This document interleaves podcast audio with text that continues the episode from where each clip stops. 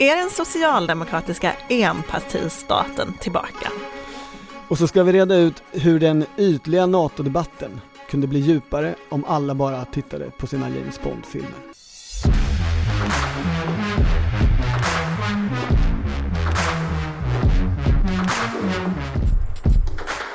Det här är Politiken med Annie Reuterskiöld, Maggie Strömberg och Torbjörn Nilsson.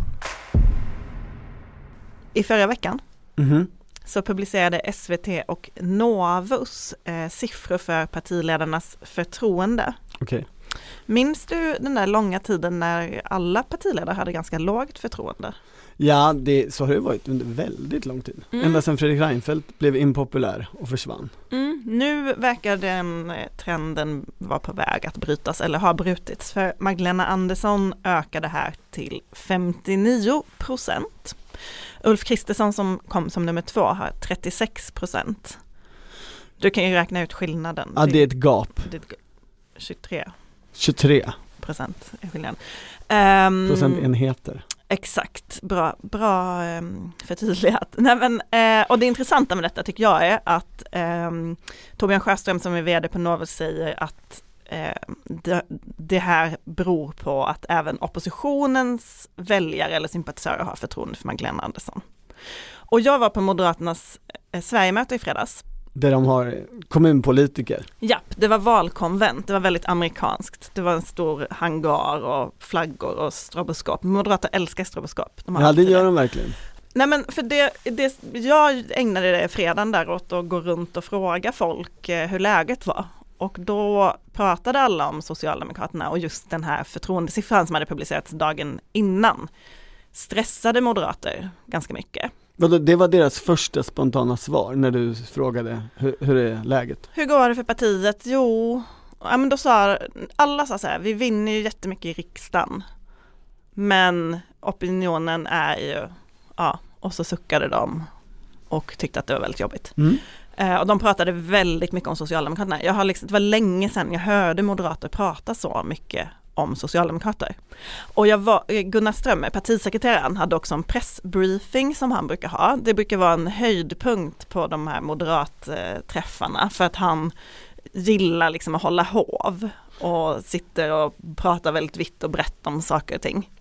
Han är ju som en, som en sån klassisk eh, universitetsföreläsare.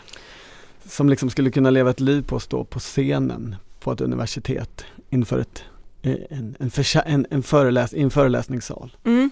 Han lutar ju sig tillbaka liksom utan manus så att säga och bara kör. Ja. Och det var, ha- hans tal som han höll tidigare på dagen var liksom också på samma sätt. Han beskrev själv att han hade tre stödord med sig upp och sen pratade han, det var väldigt roligt. Men Men vid det här tillfället så ska han också spela ett dragspel. det var senare på, eh, efter alkoholen. Jag vet inte om han drack men alltså det var på festen. Och gjort någon slags version av Drömmen om Elin.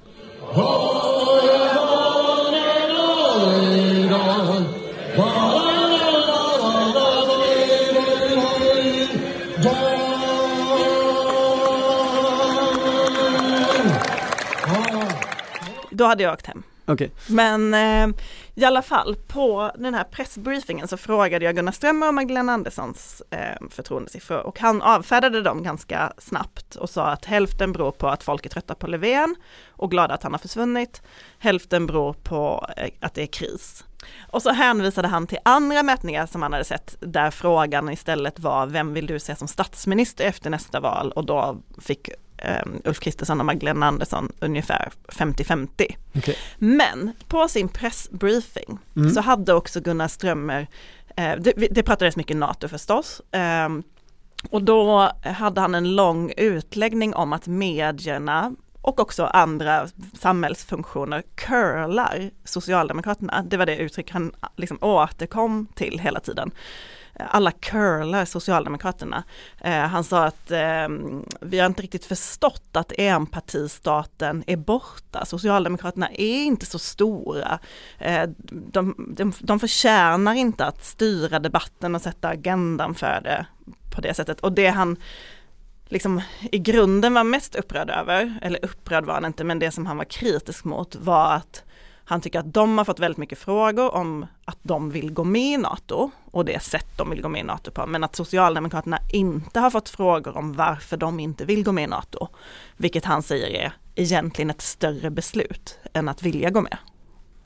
Fått frågor har de väl fått, men han tycker inte de har pressats tillräckligt mycket. Han tycker kanske. exakt det ordet använde han och så sa han det är väl vi som opposition som har den uppgiften också men eh, ni har inte eh, press, heller pressat dem tillräckligt. Och jag tror att det, det är någonting nu med att Socialdemokraterna regerar ensamt som liksom väcker mycket ångest i Moderaterna.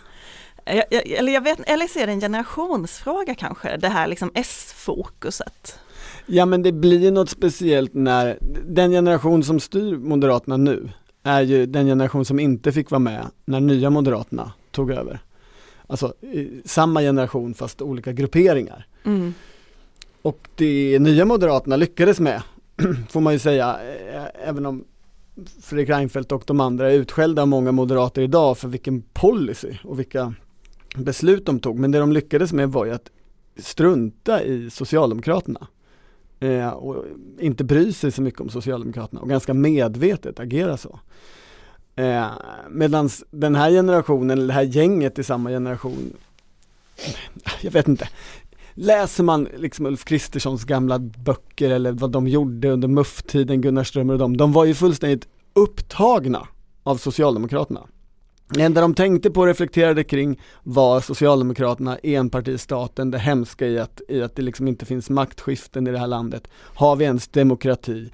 Ja men och sen så, men, men de pekar ju också på saker som liksom någonstans är verkliga. Alltså han sa så här, hur många eh, som jobbar på myndighet som har fått en ex-politiker som chef, hur många av dem har fått en sosse? Jo men 90 procent. Mm. Han pratade om eh, pensionsmyndigheten och det här remissförfarandet kring Nooshi-bidraget som vi har pratat om tidigare, där liksom politik och myndighet verkar gå i, liksom, gå i varandra på ett relativt olämpligt sätt.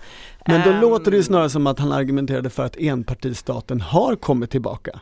Ja, men det jag tänkte på när jag satt i det där rummet var så här, det, det här var, jag vet inte, det har varit mycket kongresser, det var inte så många journalister som liksom hade tagit sig dit, folk kanske är lite, lite trötta. Det var, framförallt var det inga av de där gamlingarna. Ganska många politikjournalisterna är ju eh, äldre. Ja, det finns generationer också i vårt skrå. Ja, Mm. och det var de unga som hade tagit sig hit. Eh, de som Jag var alltså liksom, inte där. Nej, de som är födda Eh, alltså ja, men flera i rummet liksom födda i slutet av 80-talet. Mm. Och det var så intressant när Gunnar Strömmer eh, pratade om Socialdemokraterna och liksom enpartistaten därför att det enda jag tänkte på var så här, men de som sitter i det här rummet fattar knappt vad du menar. Vi är liksom uppväxta med att Fredrik Reinfeldt är statsminister. Eh, det är ganska självklart att eh, Moderaterna kan styra landet. Eh, Socialdemokraterna har ledare som Mona Sahlin, Håkan Juholt och Stefan Löfven som absolut inte liksom får 59 procent i förtroendemätningarna. Eh, det är liksom som att vi har en annan, vi, vi har väldigt olika referensramar men Gunnar Strömmer hade liksom inte riktigt förmågan att se det kände jag. Nej men det är ju något spännande i det där för hur man än vrider och vänder på det så är det ju som att Socialdemokraterna just nu har en ganska lätt resa. Eh, det kanske inte beror på samhällsinstitutioner och journalistik i första hand. Alltså, ta Liberalernas grej den här veckan. De går alltså ut och ska skälla på Socialdemokraterna för att Socialdemokraterna brutit januariavtalet och inte ska utreda en statlig skola, vilket var något Socialdemokraterna lovade Liberalerna i januariavtalet. Och det, det skäller de på Socialdemokraterna för den här veckan och det är då efter att under ett halvår så har Nyamko Sabuni vid varje tillfälle hon har haft möjlighet sagt januariavtalet är brutet, vi har inga obligations, vi har, vi har inget ansvar för någonting, nu får sossarna stå där själva. Alltså är man så dålig som opposition så blir det ju väldigt enkelt för ett, för ett regeringsparti. Det andra som eh, liksom kanske oväntat eller kanske inte oväntat har gynnat sossarna är ju att Miljöpartiet lämnat regeringen och Moderaterna hade ju hängt upp mycket av sin valstrategi på just att eh, liksom betongsossar som var trötta på Miljöpartiet. Och vi och många andra har ju stått och pratat om hur det kommer gynna Miljöpartiet och Miljöpartiet själva har ju haft bilden av att det ska gynna dem att kunna visa vad partiet egentligen står för och vilka kompromisser de tvingades göra i regeringen. Men det verkar ju snarare ha gynnat bara Socialdemokraterna, att, eh, att de får visa vad de egentligen tycker. Jo men det är ju lite som att enpartistaten har återkommit, eller 80-talet på något sätt. Det är rysskräck i, i allmänhet i landet. Det är ett parti som regerar fast de typ inte har stöd för sin budget, eh, i alla fall väldigt skakigt. Eh, och fastighetsmarknaden är liksom potentiellt superöverhettad och kommer krascha. Någon form av 80-talsstämning och i, i det konceptet så ingår ju enpartistaten på något sätt. Men det innebär ju inte att Socialdemokraterna är skickliga. Och det är den illusionen som många liksom går in i i det här läget. Socialdemokraterna är ju, är ju urusla på många sätt. Nej men det här är så intressant för jag, jag har gjort en, eh, vad ska man säga, en egen då opinionsundersökning, inte slumpmässigt urvald utan i min bekantskapskrets så har jag frågat folk som jag eh, uppfattar som höger, alltså inte folk i liksom vår bransch utan vanliga människor man träffar, eh, vad de tycker om Magdalena Andersson och vad de tycker om Fredrik Reinfeldt och vad de ska rösta på. Och sådär. Det är en erkänt stabil metod det här. Nej den är inte så stabil, den är mycket anekdotisk men ja, den men är och, alltid intressant. För att det folk säger som man tänker, alltså du vet, folk som jobbar med finans typ. Mm. Folk som jobbar med saker man inte ens vet vad det är. De, de tycker att så här, Magdalena Andersson är bra för att hon har varit finansminister. Det är seriöst. Hon har hållit i pengarna. Hon kan sitta uppe sent på natten och jobba. Alltså det är sådana saker säger folk. Ledarskapsgrejer. Ja, och det är liksom, jag tycker det är intressant för just som du säger, om man tänker på hur det har varit eh, sen Magdalena Andersson blev statsminister så har ju sossarna gjort bort sig gång på gång. Men ja. det verkar inte riktigt fästa i opinionen och det kanske är på grund av kriget. Vad tänker du på det de har gjort? Ja men ta bara när regeringen tillträdde alla, liksom, det var ju en lång rad eh, ministerskandaler, Annika Strandhälls räkningar, Ida Karkiainens bild med den misstänkta nazisthälsningen. Eh, det var ju Thomas Eneroth och polisutredning om eh, Sexuellt olämpligt beteende. Ja. Jag det, var ju det, kultur, det kulturministerns liksom 74 kullerbyttor Um, Kulturministerns intervju i Svenska Dagbladet inte minst. Ja. Um, Får man väl dra in där. Uh, ja men liksom sen, jag vet inte, pensionsdiskussionen, bara den här veckan kom det här med att eh, regeringen har liksom sagt fel om hur många ryska fartyg som kommer till svenska hamnar och sagt att det är 12 per år när det egentligen är eh, 170 tror jag att det var. Ja, Eller liksom långt över 100 i alla fall. Eh, alltså den här typen av lite fadäser, eller bara Magdalena Andersson själv med liksom som inte visste om hon kunde säga invasion och vad en invasion var och som sen höll pressträff där hon sa att NATO-medlemskap ska des kommer destabilisera och sen fick ta tillbaka det i både en intervju och en liksom, improviserad pressträff dagen mm, efter. Mm. Det har ju varit liksom ett gäng, ett pärlband av sådana saker den senaste Det är ingen uppvisning i, i konsten att regera fläckfritt. Det är ju, det är ju mer av klåperi och en, en ovana i socialdemokratin kanske egentligen att vara enpartiregering och eh, faktiskt fylla upp den här självbilden, alltså det är som att de står framför spegeln och så, så ser det jättesnyggt ut och sen så är, är man inte alls så där snygg som de mm. tror att de är i spegeln. Nej men och jag tror att det, den, liksom, det som gör att Moderaterna då ägnar en dag åt att prata om Socialdemokraterna när de ska ha valkonvent är väl just känslan av det där att det spelar liksom ingen roll vad Socialdemokraterna gör, nu har de medvind. Och Gunnar Strömmers liksom stora budskap var ju Socialdemokraterna vill nu ställa in valrörelsen med hänvisning till läget i omvärlden och vill liksom prata borgfred och, och annat och eh, att detta tycker Moderaterna är förstås jättefarligt. Ja men det låter ju onekligen frustrerat eh, från moderat håll. Ja, det, så känns det ju och eh, jag frågade också Gunnar Strömmer Alltså det är ju faktiskt första gången på väldigt länge nu som de ska gå till val med en partiledare som har lägre förtroende än Socialdemokraterna. Och ganska stor skillnad som vi sa där i början. Ehm, och så frågar jag, hur tänker ni liksom kring det? Vad innebär det för er valstrategi? För de har ju, alltså hela Reinfeldt-tiden byggde de ju otroligt mycket på just hans förtroende. Mm. Och sen har de ju suttit och tittat på när Socialdemokraterna lite grann har imploderat i interna strider. Ja, och förra valrörelsen var det inte som att Löfven hade högre förtroende än Kristersson i någon märkbar grad. Nej, det har han väl egentligen framförallt haft under pandemin, men även då låg han ju ganska långt under där Magdalena Andersson ligger nu. Ja, Men och man hade den här situationen där Kristersson, alla visste att Ulf Kristersson skulle vinna varje debatt som han ställdes mot med Stefan Löfven. Mm. Det var redan av, liksom upp, avgjort på förhand för att han var så mycket skickligare. Men svaret från Gunnar Strömmer var i alla fall att de kommer inte ändra någonting i sin valstrategi och de eh, lägger inte så stor vikt vid det där, säger han. Men de utgår ifrån att när vi kom, ju närmare valet vi kommer, desto mer relevant kommer regeringsfrågan vara och Socialdemokraternas stora problem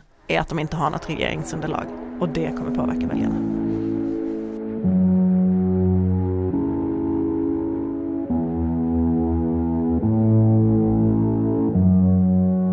Nej, nej, nej, nej. Nej, nej, nej, nej. Så går det inte till. Välkommen till verkligheten. Jag har ju fullständigt fastnat i det här med NATO. Ja, ni, det är ju ett gäng som har gjort det på sistone. Ja. Man kan ju börja med i hur liksom läget ser ut nu. Mm. Margot Wallström var ju intervjuad i Dagens Nyheter i, Ja, i veckan. helgen. Och där sa ju hon så här, om Finland går med, då kanske vi också måste gå med. Och det Men hon ville jag, inte ändå. Nja, inte riktigt. Nej. Och det tänker jag är den bästa beskrivningen av den socialdemokratiska situationen nu. Att man i princip har outsourcat det här beslutet till Finland. Mm. För så där, det hon sa i klartext var ju det som många socialdemokrater säger i bakgrundssamtal. Alltså vad betyder egentligen det här som Hultqvist och Andersson säger?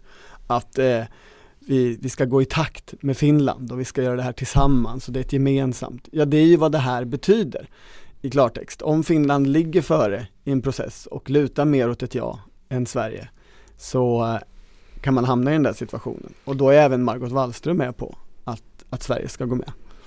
Det är ju svindlande om hon skulle svänga men det lät ju, lite, det lät ju som att det var lite under galgen. Ja men för i början av eh, Rysslands invasion så sa ju Peter Hultqvist när han fick fråga om NATO, då använde han sitt gamla argument, det skulle press, sätta för stor press på Finland om vi började svänga nu. Mm. Eh, men nu är det ju Finland som svänger och inte bryr sig jättemycket om Sverige känns det som, vad man ser utåt. Eh, och det är lite ironiskt när man tänker på hur det gick till med EU-inträdet, där det. var tvärtom Mm. och Sverige gick med, och, eller ja, Sverige svängde först och Finland fick liksom följa med. Och det där rev ju upp sår. Alltså när, jag vet när vi skrev för några veckor sedan om relationen Finland-Sverige, alla man pratade med i Finland sa ju det som första sak. Ja. När Sverige ändrade sig om EU utan att göra det tillsammans med Finland, det är, det är verkligen ett djupt sår. Ja, och det där har fått mig att tänka mer och mer på parallellen till EU-inträdet och processen som var då. Alltså för där svängde ju också Socialdemokraterna i, i en debattartikel eh, 1990 och sen så ansökte eh, på eh, Sverige om medlemskap på sommaren tror jag 91 och sen så var det en, en folkomröstning eh, på hösten 94 Mm. och så gick man med 95. Det var ju väldigt lång tid jämfört med hur den här NATO-processen ska Eh, det- det- sägs gå till. Det var lång tid och man tycker då att det var lång tid för en bred debatt.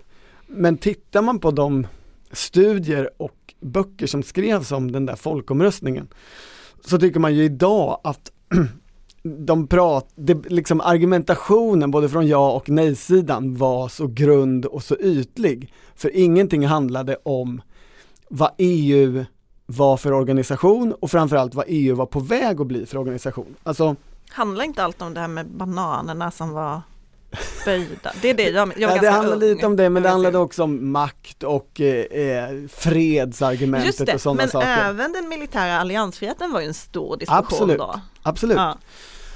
Men det som hände var ju att precis samma period så reformerades ju EU. Alltså i mitten av 80-talet så var ju EU någonting helt annat än vad det sen var i mitten av 90-talet. Alltså Maastrichtavtalet och en massa idéer om överstatlighet, eh, gemensam centralbank och en hel del liksom, av det EU vi känner idag skapades ju under den här processen. Så Sverige ansökte om medlemskap i en union och gick egentligen med i något helt annat. Och om det så fanns det väldigt lite debatt. Bananerna var ett villospår. Eh, det får man nog säga. Och jag funderar på, vad är egentligen NATO för organisation idag och vad kommer NATO bli för organisation framöver? Det har jag snöat in på. Mhm.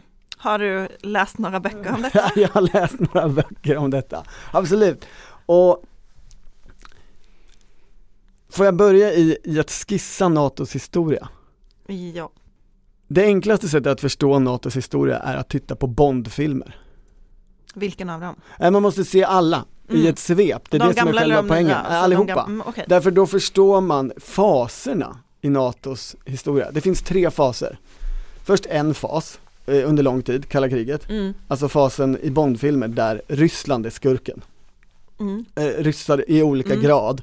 Eh, proxykrig i, i, i, i soldränkta eh, stränder och sånt där eh, länder. Så att man kan ha bikini. Eh, sig. exakt. Eh, men ryssen är eh, fienden. Mm. Sen kommer nästa fas efter murens fall i ungefär tio år eller något. Och där i Bondfilmerna så är det väldigt oklart vem som är skurken. Det slutar i någon av dem med att det är Nordkorea som är skurken. Det är svårt att hitta en skurk. Mm. Och precis så var Ja, det för men- NATO på 90-talet. För att, nu kanske jag hoppar i din Nej, historieskrivning, men för att jag tänk, jag såg ju alla de här Daniel Craig-filmerna i julas Mm. och då säger ju hon som är M, hon pratar då om att det var så enkelt förr när vi visste vem fienden var. Det, var, det är så himla komplicerat nu när det är massa konstiga terrororganisationer, det var så lätt när det bara var ryssen. Next subject on the agenda is the continuing mutual disarmament talks with NATO. I assume you've all read the General Gogol's report. It seems very thorough. Thank you, Comrade Chairman. Och då, då kände jag så här, ja, men lite, ja, jag tyckte ändå, kunde känna igen mig i den känslan och det kan jag ha dåligt samvete för nu. Men för efter den där Nordkorea-fasen, 90-talet, så kommer ju en tredje fas i NATOs historia och i Bondfilmernas historia, alltså efter 9-11. Just det. där skurken ju är internationella terrornätverk i filmerna och i verkligheten eh, terror oftast i form av islamister. Mm. Eh, och under de här två senare faserna i NATOs historia har man ju så att säga övergått från att skydda eget territorium som primär uppgift till att göra insatser på andra håll. Nu är man ju i en fjärde fas. Många NATO-experter definierar ju den till Krimkriget 2014. Så nu är man ju tillbaks till att man har Ryssland som motståndare eller fiende. Inte Georgien 2008. Nej, det, där, där var NATO inte vakna Nej. på det sättet. Jag kan säga att underlag för detta finns eh, i böcker, bland annat skrivna av de två svenska statsvetarna Ulla Gudmundsson och Ann-Sofie Dahl. Mm. Jag har också stämt av den här Bondvinkeln med Ann-Sofie Dahl. Höll hon med? Hon tyckte den stämde. Ja. I vilket fall, man har då återgått till vad vi kanske i grunden tänker är NATOs uppgift, men man är en helt annan organisation än man var under kalla kriget. För att det är massa fler länder som är med eller? Ja, alltså dels genom att man har ju van vid att göra de här insatserna, så man har ju varit i strid mycket mer. Eh, och genom att man har utvidgats. Det finns, alltså det, det är konstigt när man läser om NATO för det är så paradoxalt. Alltså, det här är en, en, en, en grupp, en allians, en försvarsallians av 12 länder först, som ska skydda ett visst territorium. De är en försvarsallians. Första gången de gör någonting militärt är i strid, då gör de det i, i, i, på, i Balkankriget. Det är en fredsskapande insats som inte är på eget territorium och de gör det tillsammans med Ryssland som var fienden alldeles nyss och tillsammans med neutrala Sverige. Det är första gången de överhuvudtaget använder vapen. På samma sätt så är den här artikel 5 som ju är solidaritetsartikeln, eh, att man ska Säkerheten. Ja, Mm. hjälpa varandra. Den aktiverades första gången vid 9-11 Mm. och då hela, Enda gången va? enda gången Mm. hittills. Hela idén med NATO har ju varit så här, vi ska ha den här artikel 5 så att vi har låst USA till att komma till Euro- Europas hjälp när Sovjet eh, börjar skjuta på oss. Men då var det tvärtom att det var amerikanarna som aktiverade artikel 5 för att få européernas hjälp mot den här vaga fienden eh, i Irak eller Afghanistan eller Pakistan eller var de nu befann sig. Men men jag tänker att du kanske, eh, alltså med all respekt för att du har läst många böcker då, jag inte har gjort det, utan bara kollat på Agenda i söndags, eh, så skulle jag vilja säga att har inte du missat nu att NATOs uppgift är att vara avskräckande och inte att vara krigsförande? Jo men NATOs uppgift var att vara avskräckande under kalla kriget, men under de här två faserna, eh, Nordkorea och islamistfasen, så har ju inte avskräckningen varit huvuduppgiften utan då har det varit fredsbevarande insatser. Och därmed så har man ju, nu ska man ju försöka återuppfinna sin egen grunduppgift. Och det, man är mitt i det utvecklingsarbetet, alltså NATO har någonting som kallas strategiska koncept. Det är ett dokument som är mycket mer detaljerat än det här eh, själva avtalet som är väldigt vagt. I strategiska konceptet så definierar man uppgifterna och vem som är fiende på olika sätt. I det som gäller fortfarande så beskrivs Ryssland som en partner till NATO. Och det låter svindlande. Och tittar man på marken idag så är ju inte Ryssland en partner till NATO. De håller på att jobba om det här gissar jag. De håller absolut på att jobba om det men det är ganska yrvaket och, och fyllt av, av diskussion och debatt. Och det här förstärks ju av att det är inte 12 länder som tycker relativt lika längre. Det är 30 länder som eh, tycker ganska olika, är olika i storlek, ligger i olika eh, delar av eh, Europa, eller man har ju vidgat sitt territorium på det sättet. Så då blir det också potentiella konflikter. Var ska vi lägga våra resurser? Ska vi lägga dem här uppe i Norden runt Östersjön eller ska vi lägga dem i Medelhavet? två helt olika problem också. Men hittills har ju de nordiska länderna mest inte velat ha de här. Det här är ju den stora diskussionen varit, kan vi hålla dem borta från vår mark? Ja, så kan man ju säga, men NATO har ju sagt att eh, man skyddar varje kvadratcentimeter som Biden eh, uttryckte det eh, mm. häromveckan. Och då, ja, då är det varje kvadratcentimeter av Baltikum. Okej, men vad, liksom, om, vad kommer hända? Ja men det som kan hända är ju att man får en diskussion i NATO om sättet som NATO fungerar och tar beslut. Eh, ex flera experter beskriver det som att det går mycket långsammare och omständligare idag. Och det beror ju på att det organ som bestämmer, där har ju varje land en representant och varje land har vetorätt. Alltså det, det måste konsensus. vara ett konsensusbeslut. Mm. Och man kan ju också tänka sig att fortsätter den här eh, organisationen att utvidgas så måste man ta det till att alla beslut kanske inte kan vara konsensusbeslut. Och då, det är samma utveckling. Det som, kommer vara en inre kärna. Ja, det är precis samma utveckling som EU som organisation successivt har gjort. Det, det kanske går från någon slags mellanstatlighet till mer av överstatlighet. Eh, och, mindre, och till mindre av konsensus. Du, förstår jag dig rätt då, om man ska liksom eh, tänka på den här EU-jämförelsen du gjorde i början, så tycker du att NATO-debatten är lite ytlig? Eh, ja. Du tycker att fler borde läsa de här böckerna? Eh, det måste man väl inte, men debatten idag om vi tittar på Agenda, den utgår ju till 100% från vad vore bäst för Sverige? Och så tittar man på liksom gränsen till, till, till Ryssland och Finlands relation och, och sådana här saker. Och sen så säger Peter Hultqvist, vi kan inte riktigt prata om det här än. För han vill inte prata om det här överhuvudtaget än. Men det handlar ju lika mycket om vad är det Sverige ska gå med i och hur kommer det utvecklas om man ser till, till jämförelse med, med EU. Det enda vi liksom egentligen bryr oss om nu är ju artikel 5. Eh, ja. Kommer man få skydd eller, eller inte? Det är ju liksom det som allting kretsar kring. Och det var ju det spännande tyckte jag i Agenda att eh, den här chefen för FOI eh, Robert Alsjö sa att man är, liksom, det verkar ändå finnas en väldigt tänjbarhet kring artikel 5 och vad ett land måste göra i det läget. Så som liksom när han pratade om det tyckte jag lät nästan lika tänjbart som de försvarsavtal vi har med andra länder. Där som inte heller har några, liksom, som också kräver regeringsbeslut och där det inte finns några tydliga. Artikel 5 är spännande på så många sätt. Under kalla kriget så var det konkretiserat till att man skulle hålla ställningar vid ren.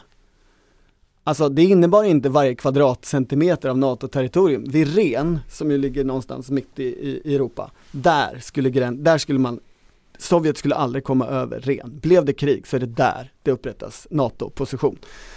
Så var det en period. Eh, man kan ju också konstatera Nu är det Gotland. man kan ju också konstatera att med, när, under liksom Donald Trumps tid som president så väcktes ju en diskussion eh, mycket tydligare om vad är eh, artikel 5 och i, vilka, i vilken grad ska vi liksom helga den?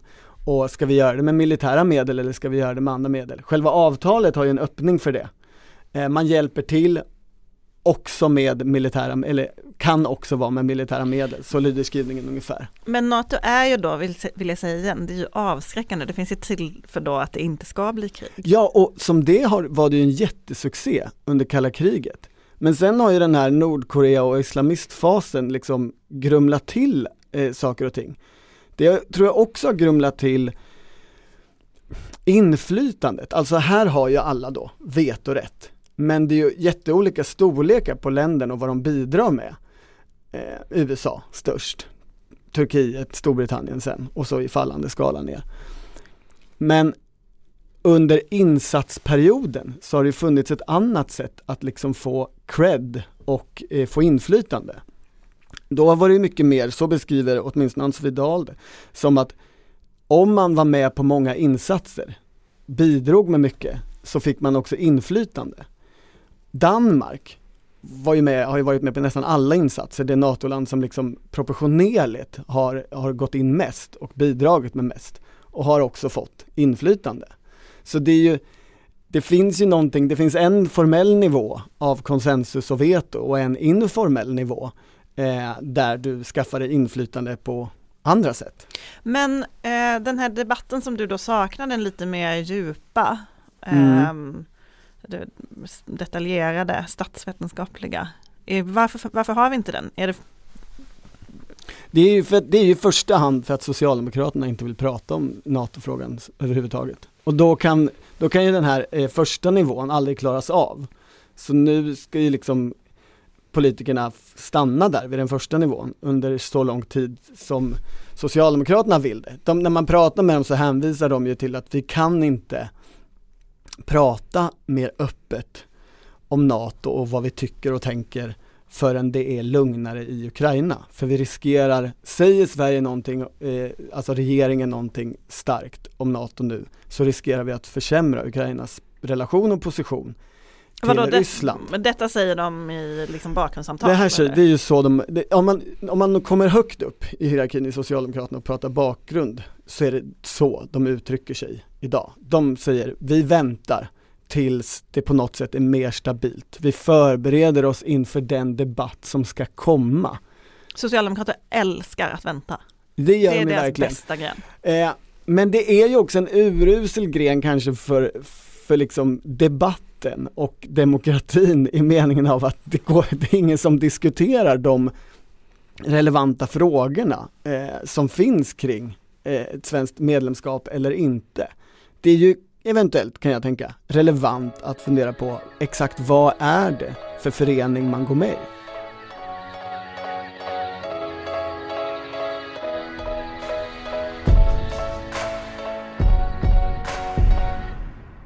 Vi har fått sällskap i studion. Mm.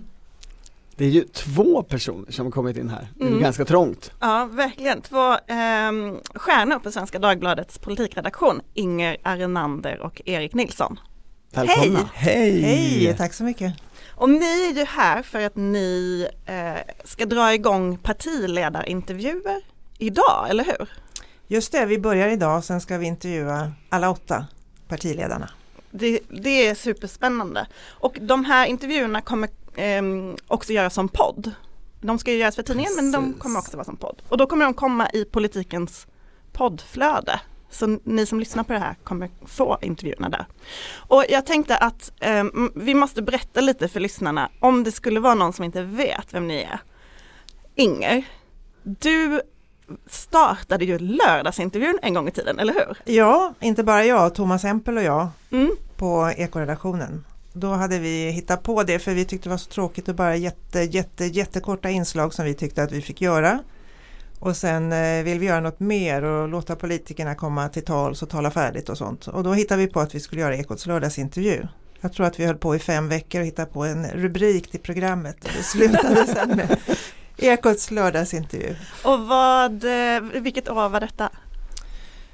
Eh, Det var ju, det börjar bli snart 30 år sedan tror jag. Jag kommer inte ihåg, 1996 kan det ha varit det. För jag, annars hörde jag att du gjorde dina första partiledarintervjuer inför ett val 1988. Yes box, så länge har jag hållit på. Men du, du, är, är erfaren måste man säga. du är ju en legendar. Men Erik, du är ju en nybörjare. En nybörjarlegendar. Mm, för du har, Legendarisk nybörjare. du har ju varit eh, politikreporter knappt ett år, eller hur? Det stämmer. Det stämmer. Och, eh, men, men jag har redan hört flera pressekreterare beklaga sig över att du ställer så jobbiga frågor. Även ministrar har sagt detta. Bra. Just det. Ja, nej men jag, jag, eh, jag är ju 28 år gammal men jag ser ändå ut som ett störigt litet barn. Och det, det är verkligen den känslan som jag tror att jag också eh, ger de här pressekreterarna och ministrarna. De får någon slags moderskänslor men eh, med irritation i grunden. Eller? Det, det, det är min eh, förhoppning, eller min, min ambition. Men, tänker ni liksom spela på den här dynamiken då? Alltså det har vi väl inte tänkt så noga på. Vad jag tänkte säga när jag hörde Erik så tänkte jag säga att Thomas Hempel då som var med och startade lördagsintervjun och som jag lärde mig väldigt mycket av. Han sa alltid att eh, det är de här, du säger att de kanske är rädda för något barnsligt som ser barnsligt ut och så. Det är nästan alltid farligast så att säga för en politiker. Det är de, man kan tycka att de här komplicerade frågorna är svåra men de enkla är ofta rätt svåra. Alltså de raka, enkla, tydligt, liksom de som man tänker självklart det här. Man krånglar inte till det, då blir det svårt. Det Inger försöker säga är att jag är korkad Nej, jag tycker att du är smart. och att det är bra. Det är, det är bra, men, det, men det, här, det här behövs. Det här eh, Det- enkla. Ing, Inger kan ju allting ehm, och har jobbat i 300 år med det här. Men, men jag är väldigt positiv brukar du säga. Så att, så, Otroligt så att, jag, positiv. så att vi, vi, vi kompletterar varandra. Mm, nej, men Inger, på, när jag jobbade ju på Ekot samtidigt som Inger eh, några år och då var du ju känd som den som var mest påläst av alla på alla ämnen. Ja, men nu är jag inte det längre för nu är jag pensionär. Men jag följer i alla fall vad ni gör för något och jag tycker fortfarande att det är kul och spännande. Nu är det ju otroligt spännande. Sen måste jag ju bara säga om Erik, för det låter ju helt knäppt. Jag tycker verkligen att det är otroligt bra för att, att Erik är med. För att när det är, du följer ju politiken väldigt nära, du är på alla möjliga presskonferenser, du ställer bra frågor men samtidigt så är det ju fräsch på något sätt. Du får, ja, men jag menar, det är inte sådär gammalt och saggigt utan du ställer, du kommer liksom på den självklara frågan och det tycker jag är till stor hjälp. Trots att jag har så lång erfarenhet så Mm. hjälper det. Jag tycker det är jätte, det hjälper mig att tänka. Det är skitbra. Du tänker att hjärnan blir förstörd efter ett tag. Man Men- blir invand vid vad de säger, Ja, men blir man inte lite det? Jo, jo Man det känner jag det. också. Så jag tycker att det är en bra kombo. Det, det du sa Inger om, om den enkla frågan, det fick mig att påminna mig om första gången som jag minns åtminstone, eh, att vara närvarande i rummet när du ställde frågor till politiker. Det var, jag vet inte, det är ju nästan 20 år sedan i alla fall. Det var på en sån här liten pressträff i ett rum där man sitter ner vid ett bord eh, när konstitutionsutskottet presenterar sin rapport. Och det är ju ofta en av då alla dessa dagar. Exakt, det är ofta ganska tillrättalagt, man ska ha försökt komma överens eller de har kommit överens och så gäller det för, för journalisten att liksom hitta sprickorna i den här enigheten som konstitutionsutskottet ska ha uppnått. Och jag minns att du började ställa frågor och på fråga två, det, det, du fortsatte ställa följdfrågor och på fråga två och tre så fattade jag absolut ingenting varför du ställde de här frågorna. Och det gjorde uppenbarligen heller inte politikerna. Det var Socialdemokraternas vice ordförande där då. Som, som, jag kommer inte ihåg vad han hette. Magnusson? Nej det kan han inte heta. Ja i vilket fall. Men på fråga fyra så började jag ana någonting. Och på fråga fem så insåg jag att nu är den här politikern helt fast. Det finns ingen möjlighet för honom att, han ska ju försöka säga här att vi är inte alls oeniga och regeringen har inte alls gjort något som är så farligt. Och på fråga sju så liksom satt han i det här rummet där vi alla satt runt ett bord ledamöterna och journalisterna och alla tittade och han var alldeles avklädd. Oj då. Höj det- inte förväntningarna nu. Så det är det jag Nej, det, förväntar jag mig känner mig, jag behöver hålla mig i bordet här nu. Åh. Men det ska bli jätteroligt att eh, lyssna på detta och läsa i tidningen. Vem kommer ni börja med? Vi kommer att börja med Nyamko Sabuni. Och vem ser ni mest, eh, vem är ni mest rädda för? Ni kanske inte vill svara på det. Eh, Nyamko nej. Ja, det blir superkul. Tack snälla för att ni eh, kom hit och berättade lite. Tack för att vi fick komma. Tack för att vi fick komma.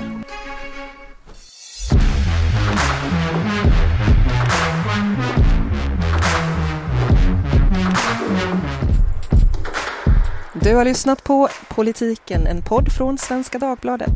Ansvarig utgivare är jag, Anna Kareborg.